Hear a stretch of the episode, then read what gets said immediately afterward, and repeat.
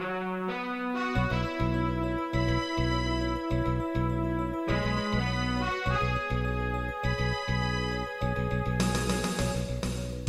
listening to Radio Free Asia. The following program is in Khmer.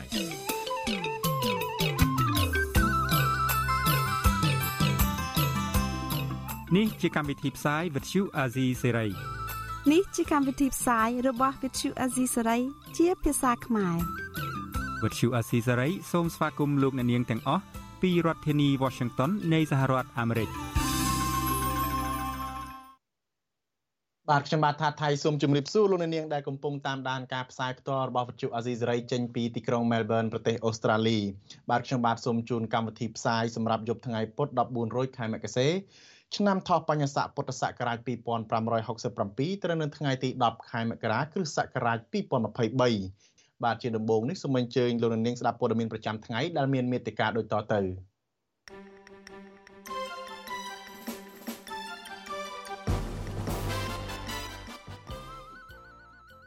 ជនភៀសខ្លួននៅថៃត្រៀមតវ៉ាទាមទារឲ្យលោកហ៊ុនម៉ាណែតគោរពសិទ្ធិមនុស្សកម្ពុជាថៃក្រុងចរចាលើគម្រោងអភិវឌ្ឍប្រេងនិងឧស្ម័ននៅតំបន់ចំនួនក្នុងឈូងសមុទ្រថៃ មេធាវីលោកសៀមភ្លុកនិងមន្ត្រីគណៈបកភ្លើងទៀនត្រៀមប្តឹងសារទុកទៅតុលាការកំពូលប្រឆាំងការសម្រេចឃុំខ្លួនពួកគាត់អ្នកចិញ្ចឹមគោខាតឡុងចុងលេងចង់ប្រកបរបរនេះគណៈរដ្ឋាភិបាលមិនបានហាម5ការនាំចូលសាច់បង្កករួមនឹងព័ត៌មានសំខាន់សំខាន់មួយចំនួនទៀតបាទជាបន្តទៅនេះខ្ញុំបាទថាថៃសូមជូនព័ត៌មានពិស្ដារដូចតទៅ បាទរដ្ឋាភិបាលកម្ពុជានិងថៃក្រុងនឹងបើកការចរចាជាថ្មីលើគម្រោងអភិវឌ្ឍប្រេងនិងឧស្ម័ននៅតំបន់ត្រួតស៊ីគ្នាដែលមានទំហំជាង20000ម៉ែត្រការ៉េក្នុងឈូងសមុទ្រថៃអ្នកខ្លំមើលរំពឹងថាកិច្ចចរចានេះនឹងមានភាពប្រសើរឡើងដោយថ្នាក់ដឹកនាំរដ្ឋាភិបាលភាគីទាំងពីរនឹងដកស្រង់បទពិសោធន៍ប្រវត្តិចរចាកន្លងមកដោយរកដំណោះស្រាយកណ្ដាលរួមគ្នាមួយបាទសូមស្ដាប់សេចក្តីរីការបស់លោកទីនសការីយ៉ា ការចរចាជាថ្មីរវាងរដ្ឋាភិបាលកម្ពុជានិងរដ្ឋាភិបាលថៃលើការស្វែងរកផ្លូវចេញនៃចំនួនតំបន់អភិវឌ្ឍប្រេងនិងអូស្ម័នធម្មជាតិនៅឈូងសមុទ្រថៃក្រុងនឹងប្រព្រឹត្តទៅនៅថ្ងៃទី7កុម្ភៈខាងមុខនេះតាមការចុះផ្សាយរបស់កាសែតបាងកកប៉ុស្តិ៍នៅថ្ងៃទី10មករាដោយដកស្រង់សម្ដីអបនាយករដ្ឋមន្ត្រីនិងរដ្ឋមន្ត្រីក្រសួងការបរទេសថៃអះអាងថាលោកនាយករដ្ឋមន្ត្រីហ៊ុនម៉ាណែតនឹងទៅបំពេញទស្សនកិច្ចនៅប្រទេសថៃនៅក្នុងខែកុម្ភៈខាងមុខនោះ ដោយលើកយកប្រធានបទសំខាន់គឺធម្មពលនៅក្នុងតំបន់ទៀមទាត្រួតស៊ីគ្នានឹងត្រូវលើកយកមកពិភាក្សារដ្ឋមន្ត្រីការបរទេសថៃរូបនេះលើកឡើងទៀតថាភាគីថៃត្រូវរងចាំការបំភ្លឺបន្ទាប់ពីកិច្ចពិភាក្សារវាងលោកសេដ្ឋាថាវិសិននាយករដ្ឋមន្ត្រីថៃនិងនាយករដ្ឋមន្ត្រីកម្ពុជាលោកហ៊ុនម៉ាណែតនៅក្នុងជំនួបនោះជាមុនសិនមុននឹងរដ្ឋាភិបាលនៃប្រទេសទាំងពីរនឹងត្រូវបង្កើតក្រុមបច្ចេកទេសរួមគ្នាថ្មីមួយដើម្បីចាប់ផ្ដើមការចរចាឡើងវិញជាមួយគ្នានេះ ទីប្រឹក្សានាយករដ្ឋមន្ត្រីនិងជាអតីតរដ្ឋមន្ត្រីធម្មពលថៃលោកភីឆៃណារិបថាផាន់បានលើកឡើងដែរថាកិច្ចពិភាក្សានឹងផ្ដោតលើកិច្ចសហប្រតិបត្តិការនិងការអភិវឌ្ឍក្នុងតំបន់ធនធានធម្មពលត្រួតស៊ីគ្នាជាជាងការលើកឡើងពីចំនួនព្រំដែនសមុទ្រទីប្រឹក្សានាយករដ្ឋមន្ត្រីថៃរូបនេះបន្តថាកិច្ចពិភាក្សានេះគួរតែត្រូវបញ្ចប់ឲ្យបានលឿនតាមដែលអាចធ្វើទៅបានពលគឺឲ្យបានមុនពេលអាណត្តិរបស់រដ្ឋាភិបាលបច្ចុប្បន្នត្រូវបានបញ្ចប់ដោយលោកអះអាងថា ភាគីកម្ពុជានឹងបញ្ចប់កិច្ចចរចានេះដើម្បីផលប្រយោជន៍គ្នាទៅវិញទៅមកនៃប្រទេសទាំងពីរវិទ្យុអាស៊ីសេរីមិនអាចតតងแนะនាំពាក្យក្រសួងការបរទេសលោកអានសុខឿននិងแนะនាំពាក្យក្រសួងរាយនឹងធម្មពលដើម្បីសុំការបកស្រាយជំវិញនឹងរឿងនេះបានទេនៅថ្ងៃទី10មករាទោះជាយ៉ាងណាអ្នកខ្លាំមើលរំពឹងថាកិច្ចចរចានេះនឹងមានភាពប្រសើរឡើងដោយថ្នាក់ដឹកនាំនៃរដ្ឋាភិបាលភាគីទាំងពីរនឹងដោះស្រង់បទពិសោធន៍ពីប្រវត្តិចរចាកន្លងមក ដោយស្វែងរកដំណោះស្រាយរួមគ្នាដើម្បីបញ្ចប់ចំនួននិងជំរុញគម្រោងអភិវឌ្ឍប្រេងនិងអូស្ម័ននៅតំបន់ចំនួននេះទទួលបានជោគជ័យអនុប្រធានគណៈបកភ្លើងទៀនលោកសុនឆៃប្រាប់វិទ្យុអសិរ័យនៅថ្ងៃទី10មករាថាការចរចាដោះស្រាយចំនួនគម្រោងអភិវឌ្ឍប្រេងអូស្ម័ននៅតំបន់ទៀមទាទ្រុតស៊ីគ្នា រវាងរដ្ឋាភិបាលថៃនិងកម្ពុជា គួរតែធ្វើឡើងដោយស្មើភាពនិងយុត្តិធម៌ដោយមិនត្រូវឲ្យភាគីណាមួយច្បាមយកផលប្រយោជន៍តែម្នាក់ឯង ហើយផ្ដាល់ឲ្យភាគីមួយទៀតនៅតំបន់ដែលមិនអាចទាញយកប្រេង និងអូស្ម័នធម្មជាតិនោះឡើយ យើងត្រូវតែផ្ដល់ការយកចិត្តទុកដាក់ទៅលើការចរចារបស់ភាគីខ្មែរខ្ញុំថាពេលនេះមិនមែនជាពេលយកចំណេញនយោបាយសម្រាប់គណៈបកនៅក្នុងប្រទេសកម្ពុជាទេគឺជាពេលដែលពលរដ្ឋខ្មែរបញ្ញវន្តខ្មែរនិយាយដែលយល់ដឹងពីលក្ខណៈសំខាន់ដែលជាផុសតាងសម្រាប់ការទាមទារយកផលការចរចាផ្ដល់ជាគំនិតផ្ដល់ជាឯកសារដើម្បីឲ្យភាគីខ្មែរធ្វើម៉េចចរចាជាមួយថៃនឹងប្រកបដោយជោគជ័យបាទ តំបន់ទៀមទាត្រួតស៊ីគ្នា មានទំហំជាង20000គីឡូម៉ែត្រការ៉េដែលគេប៉ាន់ប្រមាណថាអាចស្តុកប្រេងនិងអូស្មန်រហូតដល់500លានបារ៉ែលនៅក្រោមបាតសមុទ្រនឹងត្រូវការពេលយ៉ាងហោចណាស់8ឆ្នាំក្នុងការទាញយកធនធានធម្មជាតិចេញពីឈូងសមុទ្រនេះប៉ុន្តែកិច្ចចរចាអភិវឌ្ឍប្រេងនិងអូស្មန်រវាងកម្ពុជានិងថៃនៅតំបន់នេះបានជាប់គាំងជាង20ឆ្នាំមកហើយដែលបានប្រែក្លាយជាចំណុចនៃចំនួនរវាងប្រទេសកម្ពុជានិងថៃ។ រដ្ឋាភិបាលនៃប្រទេសទាំងពីរបានចុះហត្ថលេខាលើអនុសារណៈយោគយល់កិច្ចចរចាអភិវឌ្ឍប្រេងនៅអូស្មန်តំបន់នោះតាំងពីខែមិថុនាឆ្នាំ2001ប៉ុន្តែត្រូវបានផ្អាកក្នុងពេលថៃផ្លាស់ប្តូរនាយករដ្ឋមន្ត្រី កាលពីឆ្នាំ2009គណៈកិច្ចចរចាបានផ្អាកម្ដងទៀតកាលពីចុងឆ្នាំ2019ដោយសារតែវិបត្តិជំងឺ Covid-19 តើតើនឹងបញ្ហានេះអ្នកតាមដានភូមិសាស្ត្រតំបន់អាស៊ីអាគ្នេយ៍និងប៉ាស៊ីហ្វិកលោកសេងវ៉ាន់លីយល់ឃើញថា ការចរចាលើគម្រោងអភិវឌ្ឍប្រេងអូស្មန်នៅតំបន់ទៀមទាត្រួតស៊ីគ្នាក្នុងតំបន់ជាប់ព្រំដែនទឹករវាងកម្ពុជានិងថៃអាចមានសញ្ញាវិជ្ជមានពីព្រោះលោកសង្កេតឃើញថាគោលជំហររបស់នាយករដ្ឋមន្ត្រីថៃលោកសេដ្ឋាថាវ៉ាស៊ីនផ្ដោតអធិភាពលើកិច្ចសហប្រតិបត្តិការលើសេដ្ឋកិច្ចនិងការកសាងទំនាក់ទំនងជាមួយប្រទេសជិតខាងប៉ុន្តែលោកថាចំណុចដែលគួរឲ្យព្រួយបារម្ភនោះគឺភាពតានតឹងរវាងភាគីថៃដោយសារតែមានគណៈបកចំពោះទៅមុខដែលជាគណៈបកប្រឆាំង មានទូនាទីត្រួតពិនិត្យលើការសម្រេចរបស់រដ្ឋាភិបាលដែលធ្វើឲ្យរដ្ឋាភិបាលថៃត្រូវថ្លឹងថ្លែងលើគោលជំហរឬការសម្រេចចិត្តរបស់គណៈបកប្រឆាំង។ ខ្ញុំគិតថាបញ្ហានឹងខ្លាយជាបញ្ហានយោបាយនាពេលអនាគតប្រសិនបើរដ្ឋាភិបាលប្រទេសណាមួយស្រាប់បាណាមួយឡើងកាន់កាប់ហើយបញ្ឆេះបញ្ហានឹងជាបញ្ហានយោបាយវាអាចនឹងបង្កចំនួនប៉ះពាល់ដល់ទំនាក់ទំនងធិបតីរវាងកម្ពុជាថៃដូចដែលកប់កើតមានកាលសម័យគណៈបកជាបតៃរបស់ថៃប្រឆាំងទៅនឹងលោកនាយករដ្ឋមន្ត្រីថាក់ស៊ីនអ្នកតាមដានពីបញ្ហានយោបាយចង់ឃើញរដ្ឋាភិបាលកម្ពុជា និងរដ្ឋាភិបាលថៃ ចរចាបញ្ចប់ចំនួននេះដែលឈលលើផលប្រយោជន៍រួម ដើម្បីឲ្យប្រទេសទាំងពីរទាញយកធនធានធម្មជាតិនៅតំបន់ព្រៃនិងអូស្មန်រត់ស៊ីគ្នាអភិវឌ្ឍប្រទេសរៀងខ្លួនដោយស្មើភាពគ្នាខ្ញុំបាទទីនសាការីយ៉ាអស៊ីសេរីប្រធានាធិបតី Washington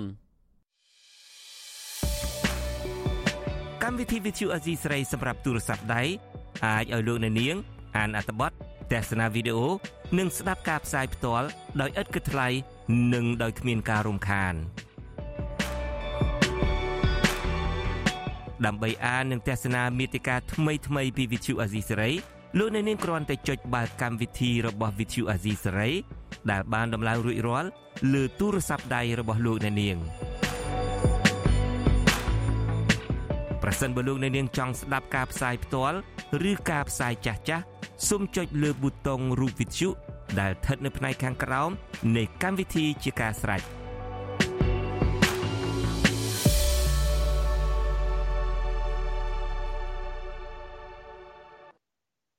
បាទលោកនាងជាទីមេត្រីស្របពេលដែលលោកនាយករដ្ឋមន្ត្រីហ៊ុនម៉ាណែតត្រៀមទៅទស្សនកិច្ចនៅឯប្រទេសថៃនោះ ពលករខ្មែរក៏ត្រៀមទទួលលោកដែរក៏ប៉ុន្តែមិនមែនទទួលស្វាគមន៍ទេគឺក្រុមពលករខ្មែរត្រៀមនឹងធ្វើបាតុកម្មប្រឆាំងលោកហ៊ុនម៉ាណែតនៅពេលដែលលោកទៅទស្សនកិច្ចនៅប្រទេសថៃបាទពលករពលករខ្មែរនិង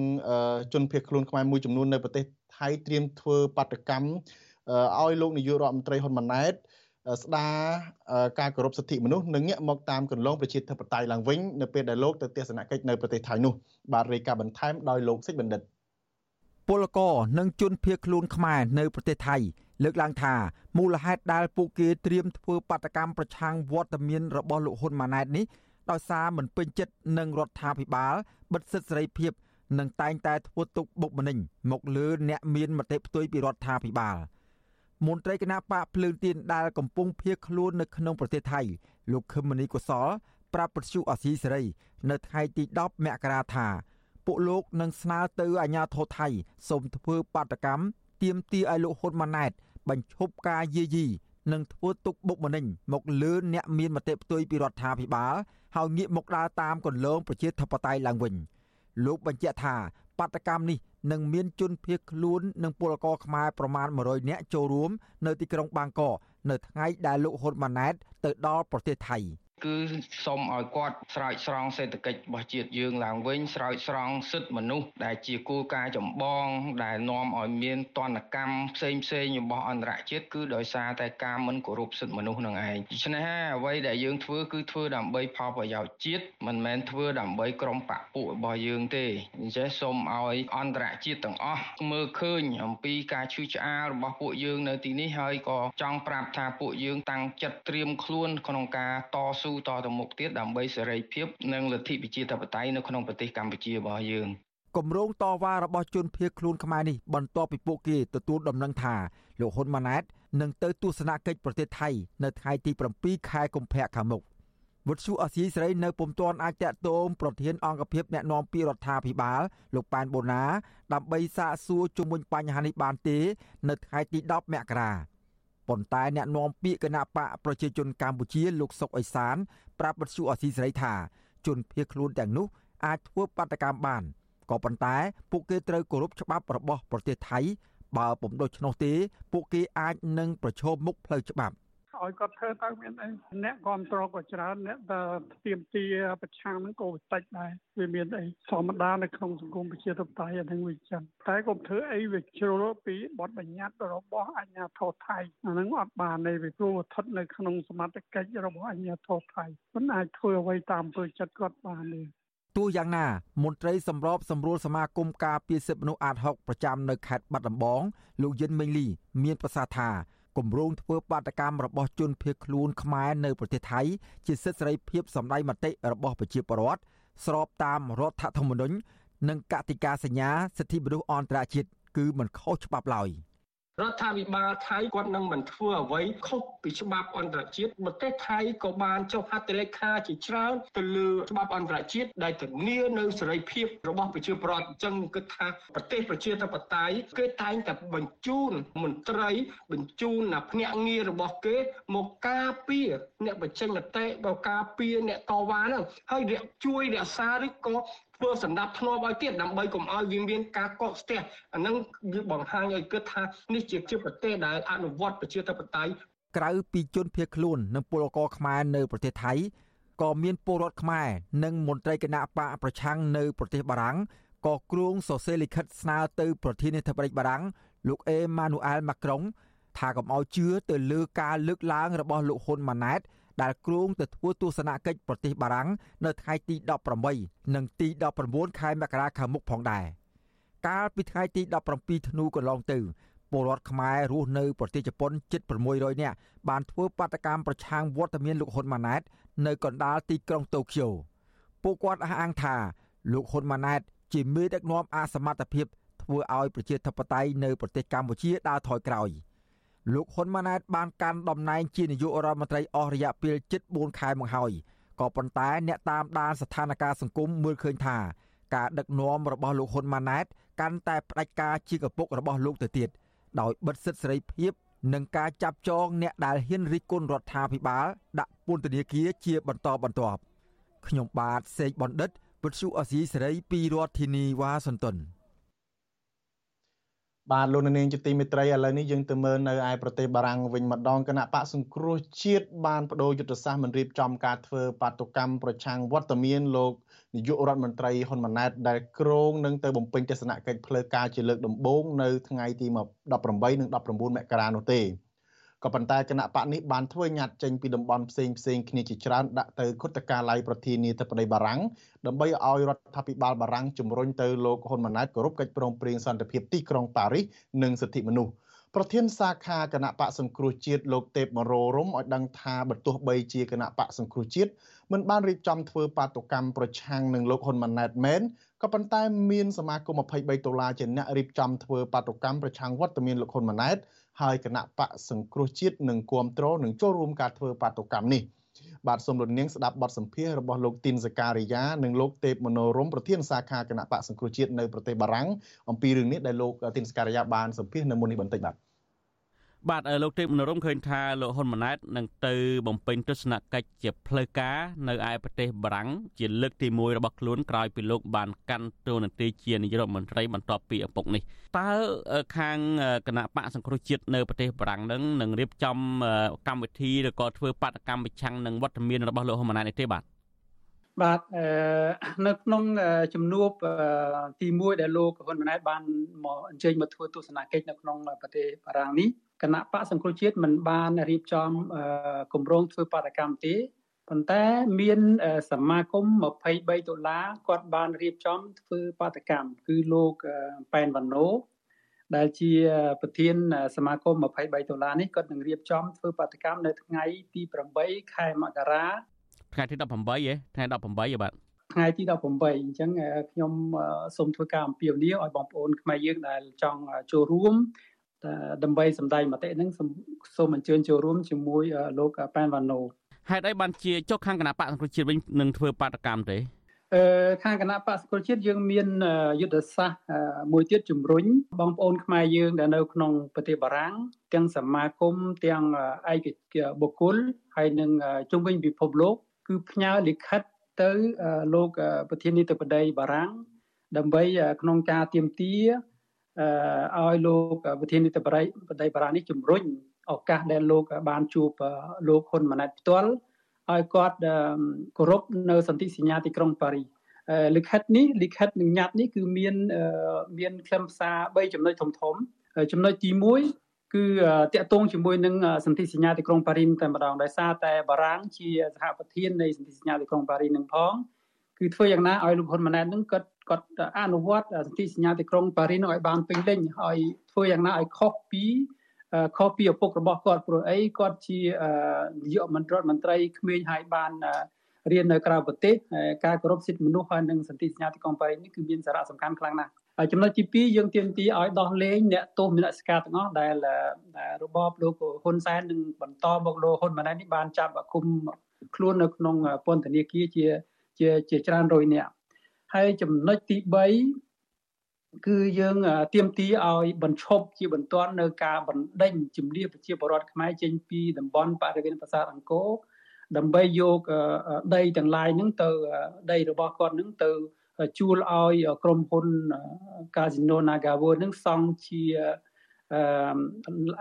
ជាបឹងអច្ឆរិយៈអីហ្នឹង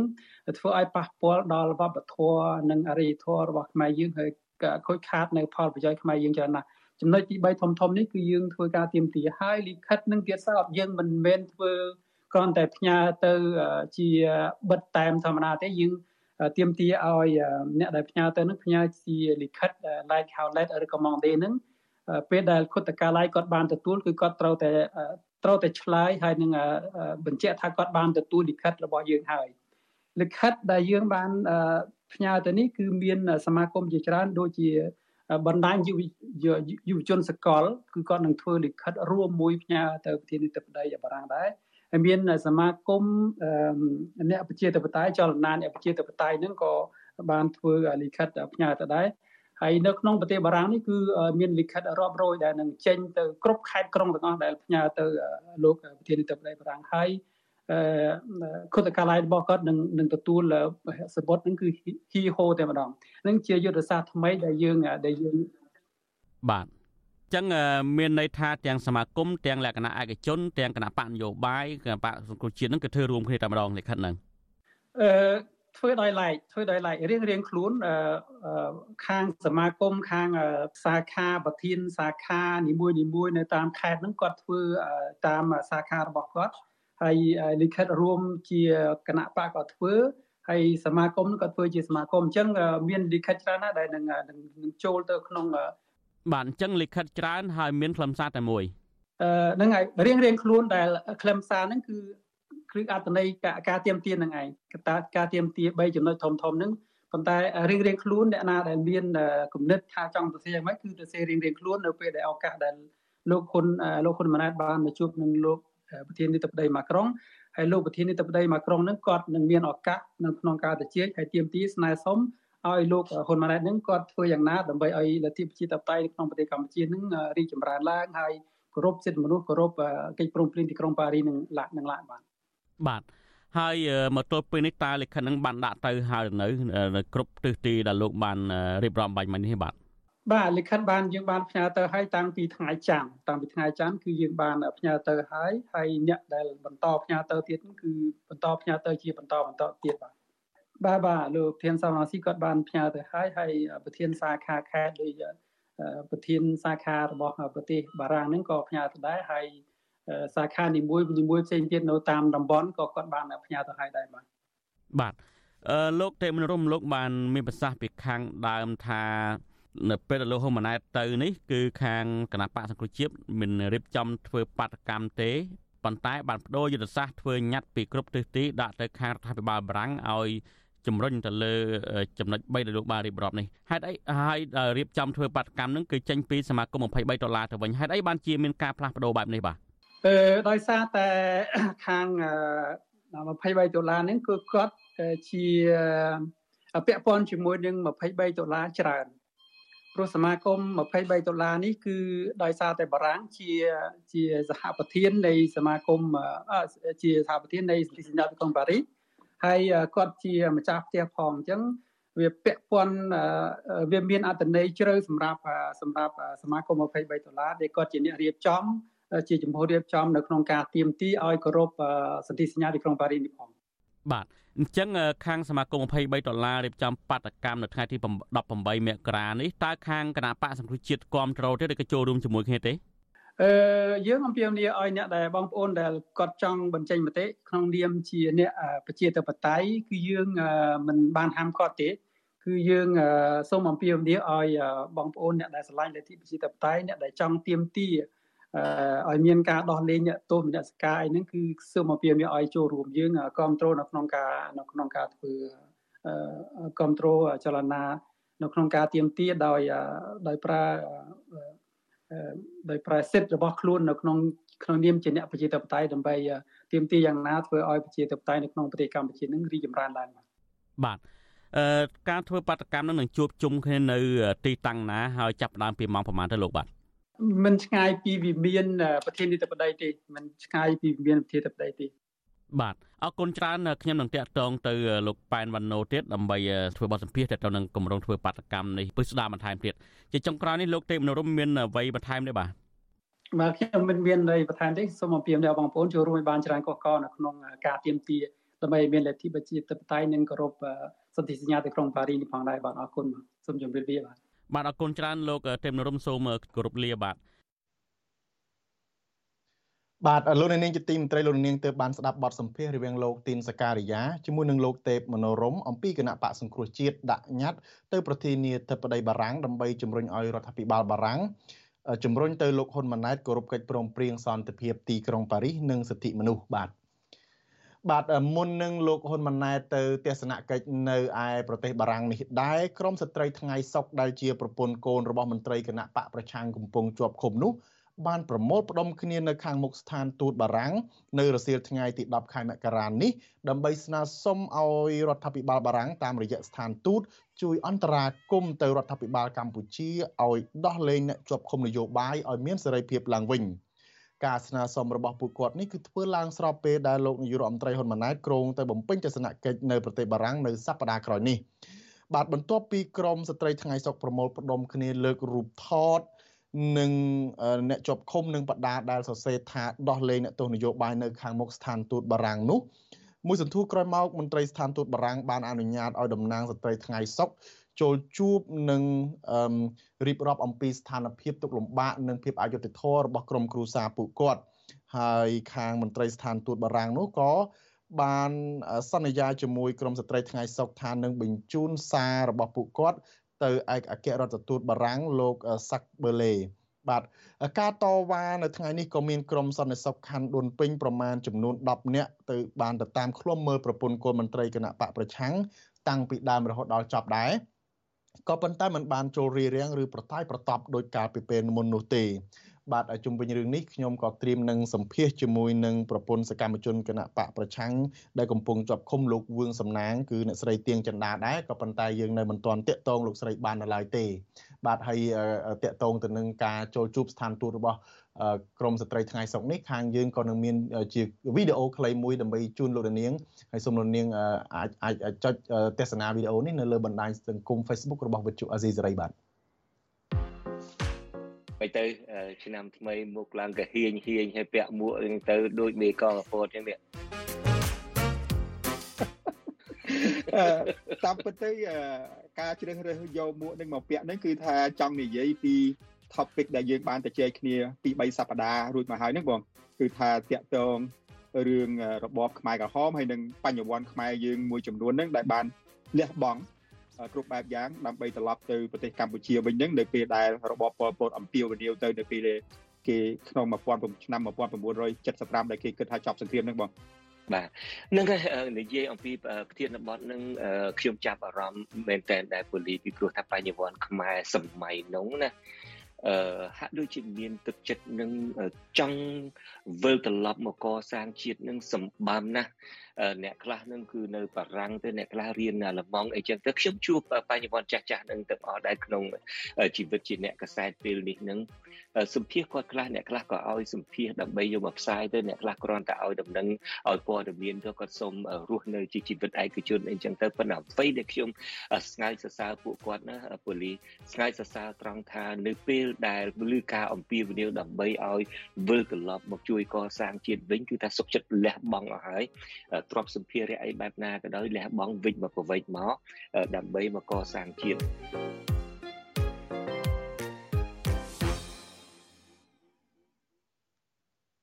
បាទលោកនាងជាទីមេត្រីវីដេអូ podcast នេះគឺដែលមានលោកជំនាញបុតនេះគឺលោកបានថតទុកតាំងពីពេលលោកមិនទាន់បានចូលទៅសម្រាប់ព្យាបាលនៅឡើយហើយនៅពេលនេះលោកកំពុងសម្រាប់ព្យាបាលជំងឺរបស់លោក ហើយស្ថានភាពរបស់លោកក៏បានប្រសើរបន្តិចម្ដងបន្តិចម្ដងដែរហើយយើងជូនពរឲ្យសុខភាពរបស់លោកកាន់តែប្រសើរថែមទៀតដើម្បីវិលត្រឡប់មកបំពេញការងារផ្សាយព័ត៌មានជូនលោកនាងទេសនាជាបន្តទៅទៀតបាទ បាទលោកនាងជាទីមេត្រីវិទ្យុអស៊ីសេរីក៏តែងតែចាក់ផ្សាយកម្មវិធី podcast កម្ពុជាសប្តាហ៍នេះនៅរៀងរាល់ព្រឹកថ្ងៃសៅរ៍ម៉ោងនៅកម្ពុជាហើយមកដល់ពេលនេះនឹងយើងមាន34ភាគហើយបាទសូមប្រិយមិត្តស្វែងរកនិងស្ដាប់ podcast របស់យើងនៅលើកម្មវិធី podcast របស់ Apple Google និង Spotify ដោយគ្រាន់តែសរសេរពាក្យថាកម្ពុជាសប្តាហ៍នេះឬ Cambodia This Week នៅក្នុងប្រអប់ស្វែងរក យើងក៏នឹងចាក់ផ្សាយ podcast នេះឡើងវិញនៅក្នុងកម្មវិធីផ្សាយផ្ទាល់របស់យើងតាមបណ្ដាញសង្គម Facebook YouTube និង Telegram នៅរៀងរាល់ថ្ងៃយប់ថ្ងៃច័ន្ទម៉ោងនៅកម្ពុជាបាទសូមអរគុណបាទទន្ទឹមនឹងនេះដែរលោកនាងជាទីមេត្រីដោយលោកនាងបានសង្កេតឃើញហើយថានៅពេលដែលមានការផ្សាយរបស់វិទ្យុអាស៊ីសេរីនឹងយើងតែងតែឃើញមានការចូលមកបញ្ចេញមតិយោបល់បែបជេរប្រមាថបែបគំរាមកំហែងនិងបំពារបំពានសិទ្ធិ ដែលមានលក្ខណៈរៀបចំជាប្រព័ន្ធដោយក្រុមមួយអឺហើយលោកនាងប្រហែលជាអាចយល់បានហើយថាការបញ្ចេញមតិជាប្រព័ន្ធជាក្រុមជាអីបែបនេះហើយមាន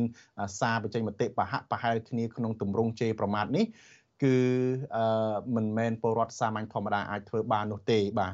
ក៏ប៉ុន្តែយ៉ាងណាក៏ដោយវិទ្យុអាស៊ីសេរីនៅតែប្រកាន់ភ្ជាប់គោលការណ៍គោរពសិទ្ធិសេរីភាពបញ្ចេញមតិដោយត្រឹមត្រូវនិងពិតប្រាកដ យើងងាកមកមើលរឿងក្តីក្តាំរបស់មន្ត្រីគណៈបកភ្លើងទៀនវិញម្ដង បាទមេធាវីការពីក្តីស្ថាបនិកគណៈបកបេះដូងជាតិលោកសៀមភ្លុកនិងមន្ត្រីគណៈបកភ្លើងទៀន3នាក់ទៀតសម្រាប់ប្តឹងសារទុកទៅតុលាការកំពូលប្រឆាំងការសម្រេចឃុំខ្លួនពួកគាត់មន្ត្រីសង្គមស៊ីវិលចង់ឃើញតុលាការយកច្បាប់ស្តីពីគណៈបកនយោបាយមកដោះស្រាយបញ្ហានេះជាជាងប្រើបទចោតព្រមត្តនលើពួកគាត់បាទអ្នកស្រីសុជីវីរាយការណ៍ព័ត៌មាននេះ ស្ថាបនិកគណៈបកបេះដូងជាតិលោកសៀមភ្លោកនិងមន្ត្រីគណៈបកភ្លើងទៀន3រូបទៀតគឺលោកខឿនវិរៈអ្នកស្រីនូសុធារីនិងលោកតូចថងមិនពេញចិត្តចំពោះការសម្ដែងរបស់សាលាឧទ្ធរភ្នំពេញដែលបន្តឃុំខ្លួនពួកគាត់នៅក្នុងសំណុំរឿងខ្លាញ់បន្លំស្នាមមេដៃដើម្បីបង្កើតគណៈបកបេះដូងជាតិឡើយមេធាវីការពារក្តីឲ្យលោកសៀមភ្លុកនិងជាមេធាវីរបស់មន្ត្រីគណៈបកភ្លើងទៀនគឺលោកមេធាវីជួងជូងីឲ្យវិទ្យុអាស៊ីសេរីដឹង នៅថ្ងៃទី10ខែមករាថាកូនក្តីរបស់លោកទាំង4នាក់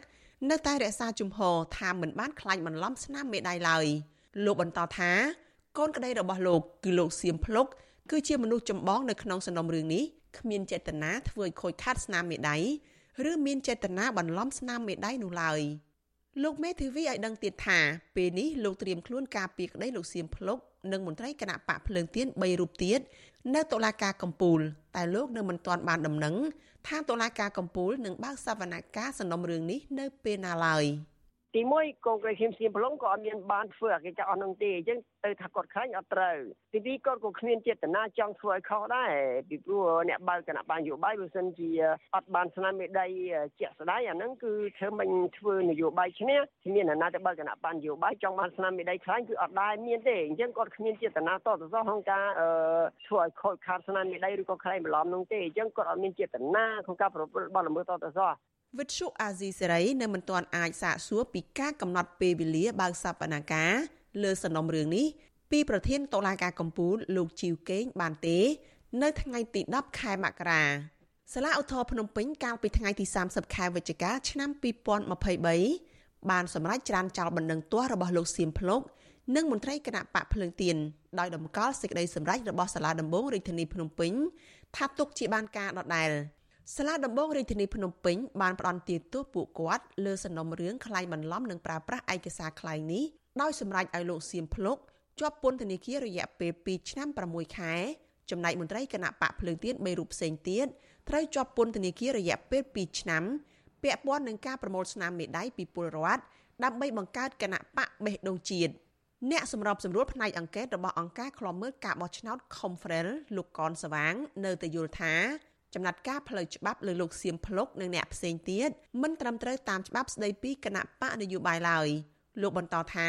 ការមិនអនុញ្ញាតចុះបញ្ជីឲ្យគណៈបកបេះដូងជាតិគឺគ្រប់គ្រាន់ហើយម្យ៉ាងវិញទៀតលោកសៀមភ្លុកក៏មិនមែនជាអ្នកធ្វើឲ្យខូចខាតស្នាមមេដៃនោះដែរអ្នកជំនាញកិច្ចការបោះឆ្នោតរូបនេះចង់ឃើញតុលាការសម្រេចក្តីលើសំណុំរឿងនេះឡើងវិញដើម្បីផ្ដល់យុត្តិធម៌ឲ្យលោកសៀមភ្លុកនិងអ្នកពាក់ព័ន្ធ ក្រសួងមហាផ្ទៃសម្រាប់ត្រឹមតែទទួលចុះបញ្ជីឬមិនទទួលចុះបញ្ជីទេហើយអាចបង្ហាញប្រាប់ថាចំណុចណាដែលជាចំណុចខ្វះខាតដើម្បីឲ្យរោគរោគមើលវិទ្យាវិធីទៅក្នុងកម្មបំពេញព័ត៌មាននឹងបន្ថែមมันមានចំណុចណាមួយដែលចង្អុលបង្ហាញនៅក្នុងត្រូវតែប្តឹងទៅតុលាការហ្នឹងគឺថាมันមានទេ ដូចគ្នានេះដែរនៅពេលឡើងទៅបំភ្លឺនៅតុលាការម្ដងម្ដង លោកសៀមភ្លុកប្រាប់ទៅតុលាការថាលោកមិនបានដឹងថាស្នាមមេដៃដែលប្រមូលមកនោះ មានបញ្ហានោះឡើយទោះជាយ៉ាងណាលោកថាត្បិតតែស្នាមមេដៃមួយចំនួនតូច មានបញ្ហាក្តីតែស្នាមមេដៃនៅសេសសល់ចំនួនជាង4000ទៀតនៅតែគ្រប់គ្រាន់អាចស្នើសុំបង្កើតគណៈបកបេះដូងជាតិបានដដែលលោកសៀមភ្លុកធ្លាប់សរសេរចេញពីពន្ធនាគារថា លោកស្នើបង្កើតគណៈបកបេះដូងជាតិដើម្បីចូលរួមកសាងកម្ពុជាឲ្យក្លាយជាប្រទេសប្រជាធិបតេយ្យសេរីពហុបកនិងគោរពសិទ្ធិមនុស្សនាងខ្ញុំសុជីវីវិទ្យុអាស៊ីសេរីពីរដ្ឋធានី Washington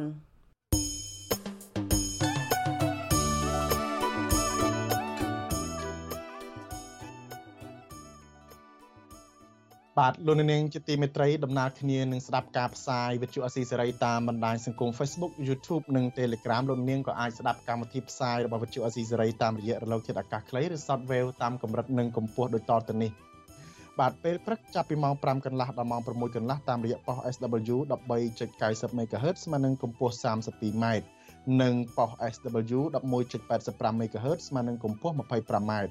ពេលយប់ចាប់ពីម៉ោង7កន្លះដល់ម៉ោង8កន្លះតាមរយៈ ប៉ុស SW 93.30 MHz ស្មើនឹងកម្ពស់ 32m ប៉ុស SW 11.88 MHz ស្មើនឹងកម្ពស់ 25m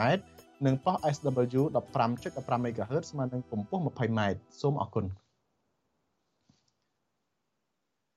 បាទតកតងទៅនឹងរឿងកសិករចិញ្ចឹមគោវិញម្ដងអ្នកចិញ្ចឹមគោយកសាច់លក់មួយចំនួននៅឯស្រុកដំបែខេត្តត្បូងឃ្មុំកំពុងខាតឡុងចង់លេងចង់ប្រកបមុខរបរនេះដោយសារតែការកើនឡើងនៃការនាំចូលសាច់បង្កកដែលធ្វើឲ្យតម្លៃសាច់គោរស់នៅក្នុងស្រុកធ្លាក់ចុះអ្នកជំនាញទទូចឲ្យអាជ្ញាធរពាក់ព័ន្ធចាត់វិធានការច្បាប់លើការនាំចូលសាច់បង្កកខុសច្បាប់ តែមេកូយកម្ពុជាតែមេកូយថាកម្ពុជាមិនអាចហាមឃាត់ការនាំចូលសាច់បង្កកឡើយព្រោះជាទីផ្សារពាណិជ្ជកម្មសេរី បាទលោកលេងម៉ាលីរាយការណ៍ព័ត៌មាននេះមិនអាចទៅយកសាច់គោស្រុកខ្មែរយកទៅដាក់លក់នៅសន្តាគារផ្កាយ5រេស្តូរ៉ង់គេអានោះទៅដល់ភ្ញៀវបរទេសមកសួរមើលសុំ steak អូស្ត្រាលីមួយដុំហើយបើមិនឲ្យនាំចូលព្រោះមានអ្នកលើកឡើងចាញ់មកថាឲ្យហាមខុសការនាំចូល ការបន្តអនុញ្ញាតឲ្យនាំចូលសាច់បង្កកដើម្បីផ្គត់ផ្គង់តម្រូវការទីផ្សារក្នុងស្រុកកំពុងក្លាយជាបញ្ហាចម្រូងចម្រាសមួយប៉ះពាល់ដល់ក្រុមអ្នកចិញ្ចឹមសត្វក្នុងស្រុកពួកគេមួយចំនួនកំពុងខាត ឡងចុងលែងចង់ប្រកបរបរនេះគេបោះបង់អស់ហើយប៉ុន្តែខ្ញុំក៏បោះបង់ដែរប៉ុន្តែគាត់ថាយើងចាំមើលទៅមុខទីចបាក់មក2ខែទៀតបើខែ4នឹងនៅទីអញ្ចឹងទៀតខ្ញុំវាបោះបង់ចោលដែរទៅលៃរួចម កឈប់ចាំមកខ្ញុំចាំចាំតាមទីផ្សារប្រហែលខែ5 6ខែចាំខាតរហូតបើយើងចាំអញ្ចឹងទៅលៃរួចយើងអាចផ្អាកសិន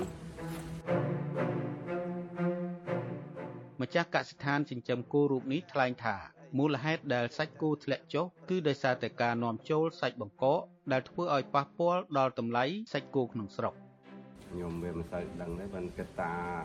ខ្លាំងជាងគេមកវិស័យបង្កកហ្នឹងហ្មងអត់វាអញ្ចឹង សាច់បង្កកហ្នឹងគេប្រើដូចថាសាច់ទីថោកជាងយើងសាច់គេលក់16000អីហ្នឹង1គីឡូដល់អញ្ចឹងយើងអ្នកចិញ្ចឹមគោអត់មានណាហូរគេហូបតែកញ្ចប់ទោះបីជាតម្លៃសាច់គោស្រស់ចុះថោកដោយក្នុង1គីឡូក្រាម8000រៀលក៏ដោយក៏សាច់គោលក់នៅលើទីផ្សារនៅតែមានតម្លៃថ្លៃដដែលពលគឺមានតម្លៃចន្លោះពី32000រៀលដល់35000រៀលទៅតាមប្រភេទសាច់គោ ម្ភមិនមិនថាមិនបារម្ភបារម្ភខ្លាំងណាស់បារម្ភតកោនាំចូលនឹងគឺខ្ញុំធ្ងរហ្មងបើសិនជាអត់មានតកោនាំចូលទេខាងកាសានចិញ្ចឹមគោនោះក៏ដំណើរការល្អហាងឃើញក៏ល្អវានឹងដល់ពេលតកោនាំចូលមកច្រើនពេកបារម្ភទាំងយើងអត់ទីបារម្ភទាំងខាងអត់ស្មានទេបងដួលបារម្ភទាំងសុខភាពទៀត វិទ្យុអស៊ីសេរីមិនទាន់អាចតាក់ទងប្រធានមន្ត្រីកសិកម្មរុក្ខាប្រមាញ់និងនេសាទខេត្តត្បូងឃ្មុំ គឺលោកហេងពិសិដ្ឋនិងអភិបាលខេត្តត្បូងឃ្មុំលោកជាមច័ន្ទសុភ័ណ្ឌដើម្បីសុំការបកស្រាយជំវិញបញ្ហានេះបានទេ កាលពីថ្ងៃទី6ខែមករារដ្ឋមន្ត្រីក្រសួងកសិកម្មលោកដេតទីណាកាលពីថ្ងៃទី4មករាបញ្ជាក់ក្នុងកិច្ចប្រជុំមួយស្ដីពីបញ្ហាទីផ្សារសាច់សត្វនិងផលិតផលសត្វនៅកម្ពុជាថា ក្រសួងនឹងចាត់ចែងឲ្យមានការសិក្សាទីផ្សារគ្រប់ជ្រុងជ្រោយដើម្បីវិយតម្លៃឲ្យបានច្បាស់លាស់អំពីស្ថានភាពតម្រូវការនិងការផ្គត់ផ្គង់សត្វក្នុងខ្សែចង្វាក់ផលិតកម្មរីឯមេកុយកម្ពុជា លោកគុណញឹមកាលពីចុងឆ្នាំ2023ត្រូវបានកសែតក្នុងស្រុកស្រង់សម្ដីថា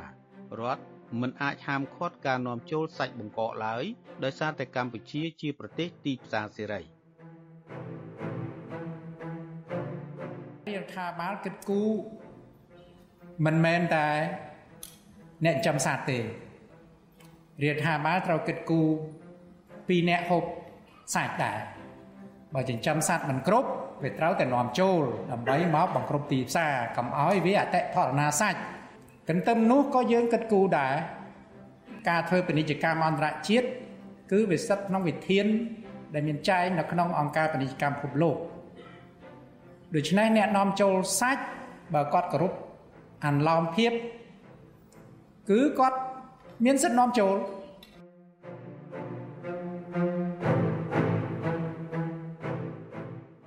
ទោះជាយ៉ាងនេះក្តីអ្នកចិញ្ចឹមសត្វមួយចំនួនបារម្ភថាកត្តាដែលសាច់បង្កកថោកអាចពាក់ព័ន្ធនឹងសាច់ខូចគុណភាព កាលពីពេលកន្លងទៅ អាជ្ញាធរកម្ពុជាបានបង្ក្រាបករណីនាំចូលសាច់បង្កកខុសច្បាប់ឬខូចគុណភាពជាបន្តបន្ទាប់ជាក់ស្ដែងកាលពីដើមខែធ្នូឆ្នាំ2023អាជ្ញាធរបានរកឃើញសាច់បង្កកខុសច្បាប់ជិត400តោននៅទីតាំងស្តុកសាច់សត្វបង្កកក្នុងភូមិសំរោងទាវសង្កាត់ក្រាំងធ្នង់ខណ្ឌសែនសុខរាជធានីភ្នំពេញអ្នកឯកទេសចិញ្ចឹមសត្វកម្ពុជាយល់ថាការនាំចូលសាច់បង្កក ធ្វើឲ្យប៉ះពាល់ដល់ទីផ្សារកសិករនៅក្នុងស្រុក និងធ្វើឲ្យពួកគាត់បាក់ទឹកចិត្តឈប់ចិញ្ចឹមសម្រាប់ខ្ញុំផ្ទាល់ សូមស្នើសុំបន្តភាគីពាក់ព័ន្ធទាំងអស់ទាំងសម័យក្រសួងក៏ដូចជាអ្នកនាំចូលគួរតែគណិតវិច័យឲ្យបានមែនទែនហើយយើងគួរតែមានគំនិតចិត្តនយោបាយមួយលើកទឹកចិត្តទៅដល់បងប្អូនអ្នកចិញ្ចឹមដើម្បីកុំឲ្យគាត់នឹងបាក់ទឹកចិត្តកុំឲ្យគាត់នឹងខាតបង់ទៅលើការចិញ្ចឹមហើយកាលណាបើបងប្អូននៅក្នុងស្រុកគាត់ចិញ្ចឹមបានច្រើនវាធ្វើឲ្យមានចរន្តសេដ្ឋកិច្ចវើមួយគឺទៅពេលដែលគាត់ចិញ្ចឹមបានកសិផលដូចជាវត្ថុធាតុដើមក្នុងស្រុកគាត់ប្រមូលទិញក្នុងការយកមកផ្គត់ផ្គង់ក្នុងការចិញ្ចឹមរបស់គាត់កសិករចិញ្ចឹមគោនិងមន្ត្រីសង្គមស៊ីវិលនៅតែជំរុញដល់រដ្ឋាភិបាលនិងស្ថាប័នពាក់ព័ន្ធឲ្យពន្លឿនការដោះស្រាយបញ្ហាតម្លៃសាច់ចុះថោកនិងទប់ស្កាត់ការនាំចូលសាច់បង្កកពីប្រទេសជិតខាងឲ្យមានប្រសិទ្ធភាពខ្ញុំបាទលេងម៉ាលីវិទ្យុអស៊ីសេរី Washington មានអ្នកយកមកលក់អ្នកទិញអត់សូវមាន បាទលោកនាងជាទីមិត្តរីពីខេត្តព្រះវិហារឯណោះវិញប្រជាពលរដ្ឋដែលរករ៉ែមាសខ្នាតតូចបានរាយការណ៍មកវិទ្យុអាស៊ីសេរីថាពួកគាត់ទទួលរងការគៀបសង្កត់ ពីក្រុមហ៊ុនអាជីវកម្មរ៉ែមាសខ្នាតធំ Delcom Cambodia បាទសូមស្ដាប់សេចក្តីរាយការណ៍នេះដោយលោកយ៉ងច័ន្ទរាពលរដ្ឋប្រកបរបរជីយករ៉ែមាសខ្នាតតូចរស់នៅភូមិរំដេងឃុំរំទុំស្រុករវៀងខេត្តព្រះវិហារអះអាងថាអាញាធរនឹងក្រុមហ៊ុន Delcom Cambodia បានដាក់គំនាបទៅលើពលរដ្ឋឲ្យជីករណ្ដៅយករ៉ែមាសមិនឲ្យលើសពីជម្រៅ5ម៉ែត្រដោយសំអាងថាដីរ៉ែមាសទាំងអស់នោះគឺជារបស់ក្រុមហ៊ុន ដែលទទួលបានដីសម្បត្តិពីរដ្ឋាភិបាលសហគមន៍បន្ថែមថាក្រុមហ៊ុនធ្វើអាជីវកម្មរ៉ែមាសខ្នាតធំទាំងនោះគឺជាអ្នករំលោភបំពានដីធ្លីនិងគំរាមកំហែងទៅលើដីស្រែចម្ការជាង100ហិកតាដែលជាដីគេមរតកដូនតារបស់ពួកគាត់តំណាងសហគមន៍ភូមិរំដេង លោកតុយឆេងប្រាប់វិទ្យុអាស៊ីសេរីនៅថ្ងៃទី10ខែមករាថាបរដ្ឋភូមិរំដេងរងទុកម្ដងហើយម្ដងទៀតពីសំណាក់អាជ្ញាធរនិងក្រុមហ៊ុន ធ្វើអាជីវកម្មរ៉ែមាសនៅតំបន់នោះដោយក្រុមហ៊ុនមួយនេះបានហាមបរដ្ឋមិនឲ្យជីករណ្ដៅយករ៉ែមាសលើសកំណត់និងបង្ហោះដ្រូនតាមដានបរដ្ឋក្នុងមួយថ្ងៃ3ដងចំណែកដីស្រែចម្ការរបស់ពួកគាត់ដែលធ្លាប់អាស្រ័យផលវិញលោកថាត្រូវបានទាហានដែលការពារក្រុមហ៊ុនហាមឃាត់មិនឲ្យចូលទៅក្នុងតំបន់នោះឡើយ លោកតុយឆេងបានថែមថារហូតមកដល់ពេលនេះអាជ្ញាធរនិងក្រុមហ៊ុនមិនទាន់ដោះស្រាយឬសងសំណងសមរម្យដល់ប្រជាពលរដ្ឋនៅឡើយទេលើសពីនេះទៅទៀតក្រុមហ៊ុន Delcom Cambodia ក៏ទទួលបានដីសម្បត្តិថ្មីបន្ថែមទៀតនៅលើផ្ទៃដីជិត2000ហិកតា ហើយដែលបានបង្កផលប៉ះពាល់នឹងការលំបាកដល់ពលរដ្ឋធ្វើអាជីវកម្មខ្នាតតូចកាន់តែខ្លាំងដែលធ្វើឲ្យពួកគាត់បាត់បង់ដីស្រែចម្ការ និងបាត់បង់ជំនឿរបស់ជនជាដើមភាគតិចគួយ ប្រជាប្រជាជនរស់នៅសពថ្ងៃគឺវាដូចនៅក្រោមគំនាបស្ងហើយវានៅក្រោមការគំនាបអាជ្ញាធរមួយមួយទៀតគឺនៅក្រោមគំនាបក្រុមហ៊ុនខ្លាំងជាងគេគឺក្រុមហ៊ុនពីព្រោះរែងអាជ្ញាធរនឹងឯងគេឲ្យរែងដៃមករែងក្រុមហ៊ុនហើយដូច្នេះក្រុមហ៊ុនគេត្រូវប្រើកម្លាំងដ្រូនហោះរាល់ថ្ងៃវិទ្យុអាស៊ីសេរីមិនទាន់អាចតាក់ទងអភិបាលខេត្តព្រះវិហារលោកគឹមរិទ្ធី និងអភិបាលស្រុករវៀងលោកហៅប៊ុនហួរដើម្បីសុំការឆ្លើយតបអំពីរឿងនេះបាននៅឡើយទេ នៅថ្ងៃទី10ខែមករាដោយទូរស័ព្ទចូលជាច្រើនដង តែពុំមានអ្នកទទួលចំណែកមេឃុំរំទុំ អ្នកស្រីវឹកយ៉ាវិញអ្នកស្រីសុំមិនអត្ថាធិប្បាយនោះទេដោយលើកហេតុផលថាកំពុងជាប់រវល់ប្រជុំវិទ្យុអាស៊ីសេរីក៏មិនទាន់អាចតាក់ទងភាគីក្រុមហ៊ុន Delcom Cambodia ដែលរងការចោទប្រកាន់ពីប្រជាពលរដ្ឋនោះបាននៅឡើយដែរតែកតិនទៅនឹងបញ្ហានេះនាយកប្រតិបត្តិអង្គការពន្លកខ្មែរលោកប៉ាក់សុភ័ណ្ឌសង្កេតឃើញថា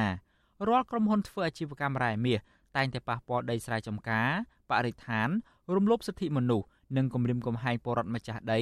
ចំណែកក្រុមហ៊ុនដែលបានរំលោភបំពានបែរជារួចផុតពីសំណាញ់ច្បាប់ទៅវិញលោកបន្ថែមថាអាញាធរគួរតាមដានទៅលើក្រុមហ៊ុនទាំងនោះនិងរកដំណោះស្រាយឲ្យពលរដ្ឋបានសមរម្យនិងត្រូវអនុវត្តច្បាប់ឲ្យស្មើភាពគ្នាមិនត្រូវដាក់បន្ទុកតែទៅលើពលរដ្ឋតូចតាចនោះទេ សូមឲ្យអាជ្ញាធរក៏ដូចជារដ្ឋាភិបាលលោកយកគោលការណ៍អភិបាលកិច្ចអឺជាគោលជាគ្រឹះដើម្បីឲ្យ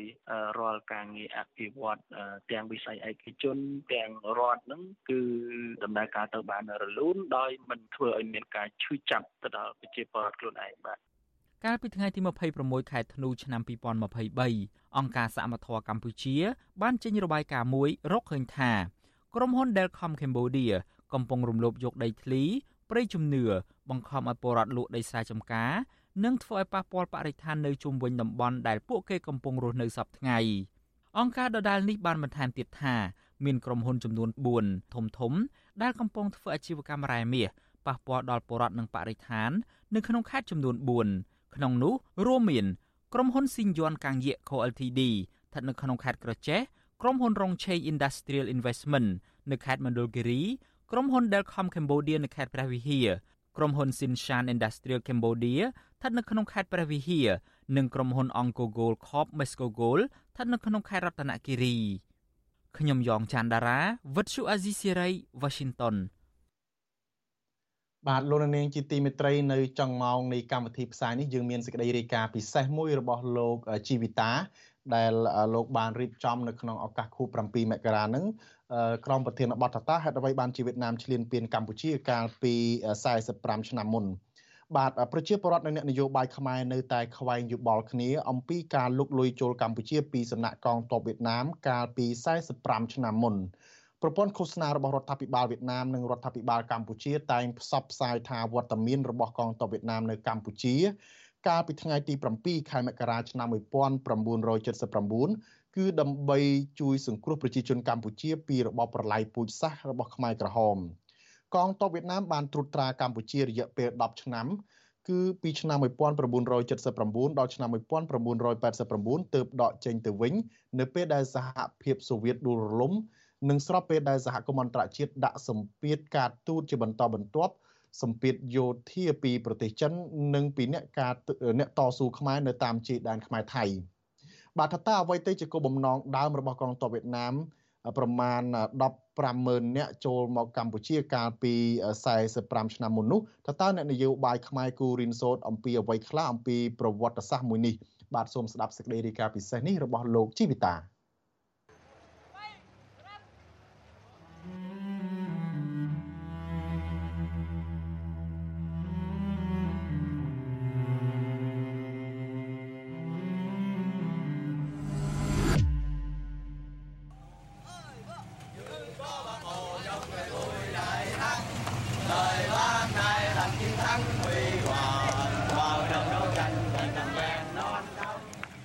បំណងចម្បងនៃការផ្ដួលរំលំរបបខ្មែរក្រហមនៅដើមឆ្នាំ1979ដោយកងទ័ពវៀតណាមមិនមែនដើម្បីសង្គ្រោះប្រជាជនកម្ពុជាឲ្យរួចផុតពីការកាប់សម្លាប់របស់ខ្មែរក្រហមនោះទេនេះបើតាមការរកឃើញរបស់បណ្ដាអ្នកស្រាវជ្រាវចាប់តាំងពីដើមឆ្នាំ1978មកវៀតណាមបានគិតគូររកវិធីផ្លាស់ប្តូរប៉ុលពតចេញពីមេដឹកនាំកម្ពុជាប្រជាធិបតេយ្យហើយដាក់ជំនួសមកវិញនៅមនុស្សណាដែលមានសមានចិត្តចំពោះវៀតណាម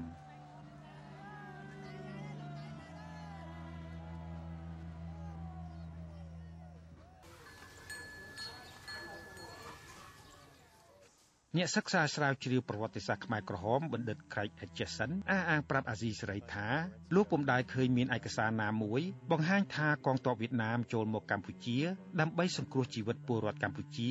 ឬពលរដ្ឋវៀតណាមដែលខ្មែរក្រហមកំពុងកាប់សម្លាប់នោះទេ No I don't think so although អត់ទេខ្ញុំមិនគិតថាកងទ័ពវៀតណាមចូលកម្ពុជាក្នុងគោលបំណងមនុស្សធម៌ទេ បើទោះជាពេលនោះប្រកាសណាស់ថាប្រជាជនវៀតណាមក្នុងប្រទេសកម្ពុជាកំពុងរងការធ្វើបាបពីខ្មែរក្រហមក៏ដោយចុះពីព្រោះក្នុងគ្រានោះប្រទេសវៀតណាមក៏កំពុងមានបញ្ហាជាច្រើនរបស់ខ្លួនដែលត្រូវដោះស្រាយចំពោះមុខដែរនោះគឺការខិតខំច្បាច់បញ្ចូលគ្នារវាងវៀតណាមខាងជើង និងវៀតណាមខាងត្បូងហើយដូច្នេះវៀតណាមមិនចង់ធ្វើសង្គ្រាមដែលមិនចាំបាច់ទេ ការលើកឡើងនេះស៊ីសង្វាក់គ្នានឹងការបញ្ជាក់របស់អតីតអ្នកកាសែតជាន់ខ្ពស់នៃកងទ័ពប្រជាជនវៀតណាមគឺលោកប៊ុយទីនលោកប៊ុយទីនដែលអមដំណើរកងទ័ពវៀតណាមចូលទីក្រុងភ្នំពេញនៅថ្ងៃទី7មករាឆ្នាំ1979នោះនិយាយថាកងទ័ពវៀតណាមឈ្លានពានកម្ពុជាគឺដោយសារតែកងទ័ពខ្មែរក្រហមវាយប្រហារទៅលើប្រទេសវៀតណាម The Vietnam leader communist leader have no objective at all to invade the Cameroon ខ្ញុំច្បាស់ណាស់ថាមេដឹកនាំកុម្មុយនីសវៀតណាមមិនមានគោលបំណងឈ្លានពានប្រទេសកម្ពុជានោះទេពីព្រោះក្រោយពេលសង្គ្រាមហើយប្រទេសវៀតណាមទាំងពីរបានបង្រួបបង្រួមគ្នាជាប្រជាជាតិតែមួយហើយនោះ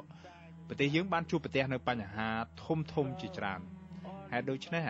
មេដឹកនាំកុម្មុយនីសនិងប្រជាជនវៀតណាមគឺចង់បានតែសន្តិភាពតែប៉ុណ្ណោះពីព្រោះបន្ទាប់ពីសង្គ្រាមអស់រយៈពេល30ឆ្នាំមក ប្រទេសវៀតណាមបានបន្សល់ទុកនៅការខូចខាតខ្ទេចខ្ទាំយ៉ាងធ្ងន់ធ្ងរហើយមនុស្សស្លាប់និងរងរបួសក៏ច្រើនសន្ធឹកសន្ធាប់នោះដែរ Many people were killed and wounded. ទោះជាយ៉ាងណាលោកប៊ុយទីនអះអាងថាចិនជាអ្នកញុះញង់ឲ្យខ្មែរក្រហមវាយប្រហារវៀតណាមព្រោះចិនមិនចង់ឃើញវៀតណាមខាងជើងនិងវៀតណាមខាងត្បូងក្លាយជាប្រទេសធំមួយនោះទេ In their calculation, the Chinese want to weaken Vietnam. បាទជាយុទ្ធសាស្ត្រនោះគឺចិនចង់ឲ្យវៀតណាមចុះខ្សោយគឺចិនមិនចង់ឃើញវៀតណាមខាងត្បូងនិងខាងជើងរួបរวมគ្នាក្លាយជាប្រទេសធំមួយនោះទេដូច្នេះហើយទើបបានជាចិននឹងញុះញង់ឲ្យខ្មែរក្រហមនឹងវាយប្រហារទៅលើប្រទេសវៀតណាមហើយនេះក៏ជាការយល់ឃើញរបស់លោកហ៊ុនសែននិងលោកហេងសំរិននោះដែរ ពួកគាត់ដែលខ្ញុំបានជួបជាញឹកញាប់នោះប្រាប់ខ្ញុំថាចិនបានប្រើប្រាស់ខ្មែរក្រហមជាឧបករណ៍ដើម្បីបញ្ឆេះសង្គ្រាមជាមួយវៀតណាមដើម្បីធ្វើឲ្យវៀតណាមនឹងចុះទុនខ្សោយពេលនោះចិនដឹងថាវៀតណាមខាងត្បូងនោះដែលទើបត្រូវបានរំដោះហើយនោះមានបញ្ហាជាមួយនឹងវៀតណាមខាងជើង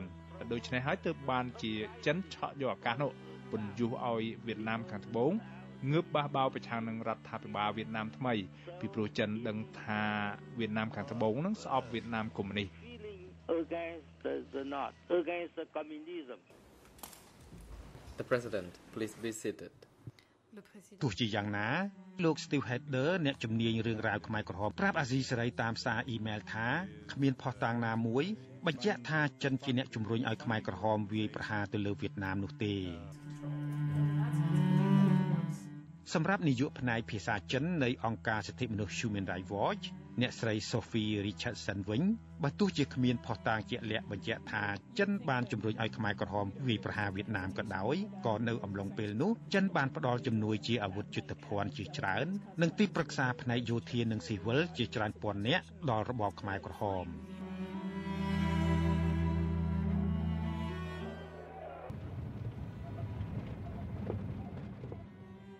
នៅថ្ងៃទី1ខែឧសភាឆ្នាំ1975ពលគឺពីសប្តាហ៍ក្រោយរំដោះបានទីក្រុងភ្នំពេញកងទ័ពខ្មែរក្រហមបានចាប់ផ្ដើមវាយលុកកោះត្រល់កោះត្រល់ដែលវៀតណាមហៅថាកោះភូកុកគឺជាអតីតទឹកដីខ្មែរដែលត្រូវបានបារាំងប្រគល់ឲ្យវៀតណាមកាន់កាប់ជាផ្លូវការនៅឆ្នាំ1954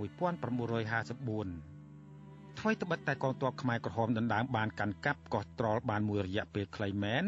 តែវៀតណាមវាដណ្ដើមយកទៅវិញបានភ្លាម និងវាយបង្ក្រាបកងទ័ពខ្មែរក្រហមស្លាប់គោជើងគ្នា បន្ទាប់ពីនោះមក សង្គ្រាមរវាងខ្មែរក្រហមនិងវៀតណាមនៅតាមព្រំដែននឹងធ្លាយចូលក្នុងទឹកដីនៃប្រទេសទាំងពីរក៏ចេះតែបន្តកើតមានជាហូរហែរហូតដល់មេដឹកនាំវៀតណាមសម្រេចចិត្តផ្ដួលរំលំមេដឹកនាំខ្មែរក្រហមប៉ុលពតពីអំណាចតែក្នុងរយៈពេល13ថ្ងៃប៉ុណ្ណោះកងទ័ពវៀតណាមបានរុលទៅដល់ទីក្រុងភ្នំពេញបើតាមលោកប៊ុយទីនជ័យជំនះរបស់វៀតណាមយ៉ាងឆាប់រហ័សដោយមិនរំពឹងទុកនេះ ក៏ដោយសារខ្មែរក្រហមបានដកកម្លាំងទ័ពភៀកច្រើនទៅត្រៀមប្រយុទ្ធទប់ទល់ជាមួយវៀតណាមនៅតាមព្រំដែនធ្វើឲ្យចំនួនកងទ័ពនៅសេសសល់តិចតួចនៅខាងផ្ទៃក្នុងប្រទេសហេតុដូចនេះ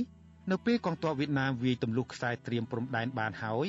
ធ្វើឲ្យការរុលសម្រុកទៅមុខឆ្ពោះទៅទីក្រុងភ្នំពេញរបស់ពួកគេជួបឧបសគ្គតិចតួចប៉ុណ្ណោះ។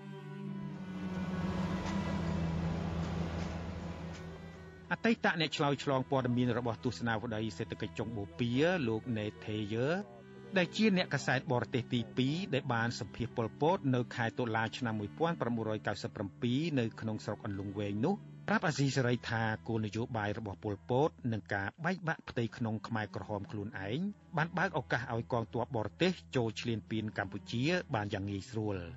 In fact his entire focus on the Vietnamese ការពិតទៅការបដោតចិត្តទាំងស្រុងរបស់ប៉ុលពតទៅលើវៀតណាមជាហេតុធ្វើឲ្យគាត់បង្កើតគោលនយោបាយមួយចំនួនដែលបណ្ដាលឲ្យមានទុក្ខវេទនាយ៉ាងខ្លាំងនៅក្នុងប្រទេសកម្ពុជានិងធ្វើឲ្យកម្ពុជាធ្លាក់ចុះទុនខ្សោយជាហេតុបង្កភាពងាយស្រួលដល់ការឈ្លានពានរបស់កងទ័ពវៀតណាម The Vietnamese ទោះជាយ៉ាងណាប៉ុលពតបានព្យាយាមបកស្រាយប្រាប់លោកណេថេយើ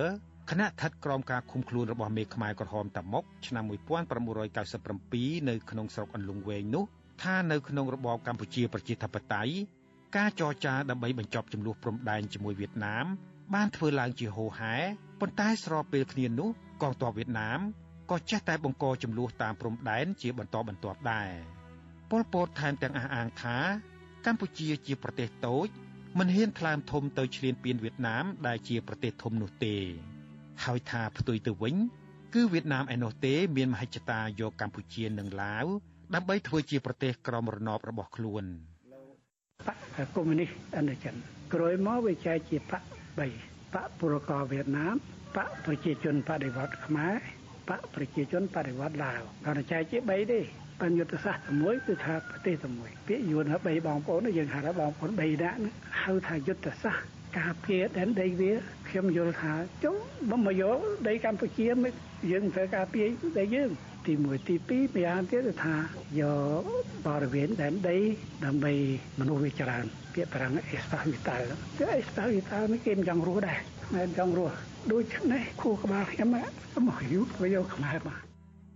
ទោះជាយ៉ាងណាក៏ដោយចុះការជ្រើសរើសយកថ្ងៃទី25ធ្នូឆ្នាំ1978របស់មេដឹកនាំវៀតណាមដើម្បីវាយលុកចូលប្រទេសកម្ពុជានោះគឺជាថ្ងៃយុទ្ធសាស្ត្រពីព្រោះពេលនោះ គឺចំពេលមេដឹកនាំបកកុម្មុយនីសចិន ដែលគ្រប់គ្រងខ្មែរក្រហម កំពុងជាប់រវល់ទាស់តែងខ្វែងគំនិតគ្នាហើយហេតុផលមួយទៀតថ្ងៃទី25ធ្នូគឺចំពេលពួកប្រទេសប្លុកសេរីកំពុងឈប់សម្រាកបុណ្យណូអែលនិងចូលឆ្នាំសកលមួយថ្ងៃក្រោយពីដណ្ដើមបានទីក្រុងភ្នំពេញពីខ្មែរក្រហមអាញាធរទីក្រុងហាណូយបានជួយបង្កើតជូនកម្ពុជា នៅរដ្ឋាភិបាលថ្មីស្រឡាងមួយ នៅថ្ងៃទី8ខែមករាឆ្នាំ1979ដាក់ឈ្មោះថាសាធារណរដ្ឋប្រជាមានិតកម្ពុជា ដោយមានលោកហេងសំរិនជាប្រមុខរដ្ឋខ្ញុំបដិថាខ្ញុំសូមនិមន្តនិងអញ្ជើញគណៈបតីភ្ញៀវកិត្តិយសព្រមទាំងសមាជិកសមាជិកាទាំងមូលក្រោកឈរគោរពទង់ជាតិនៃសាធារណរដ្ឋប្រជាមានិតកម្ពុជា និងសាធារណរដ្ឋសង្គមនិយមវៀតណាម ជិត8ខែបន្ទាប់មក គឺនៅថ្ងៃទី15ខែសីហាឆ្នាំ1979តុលាការប្រជាជនបដិវត្តនៅរបបសាធារណរដ្ឋប្រជាមានិតកម្ពុជា បានសម្រេចបើកសវនាការកំបាំងមុខកាត់ទោសពលពតនិងអៀងសារីប្រហារជីវិតពីបទប្រឡាយពូជសាសន៍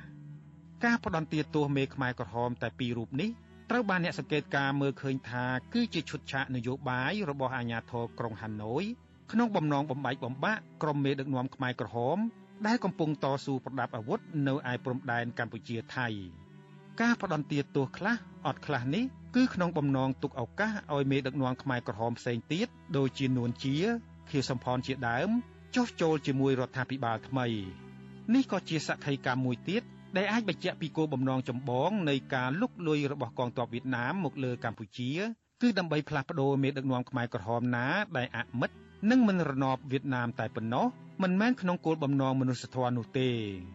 ទោះជាយ៉ាងណាក៏ដោយចុះវត្តមានកងទ័ពវៀតណាមនៅលើទឹកដីកម្ពុជានៅពេលនោះដែលអាចបញ្ចប់ភាពខូខើរបស់ខ្មែរក្រហមទៅលើប្រជាពលរដ្ឋខ្លួនឯងផងនោះត្រូវអ្នកស្រាវជ្រាវមើលឃើញថាគឺជាសមិទ្ធផលមិនបានត្រៀមទុករបស់មេដឹកនាំវៀតណាមខ្ញុំជីវិតាអាស៊ីសេរី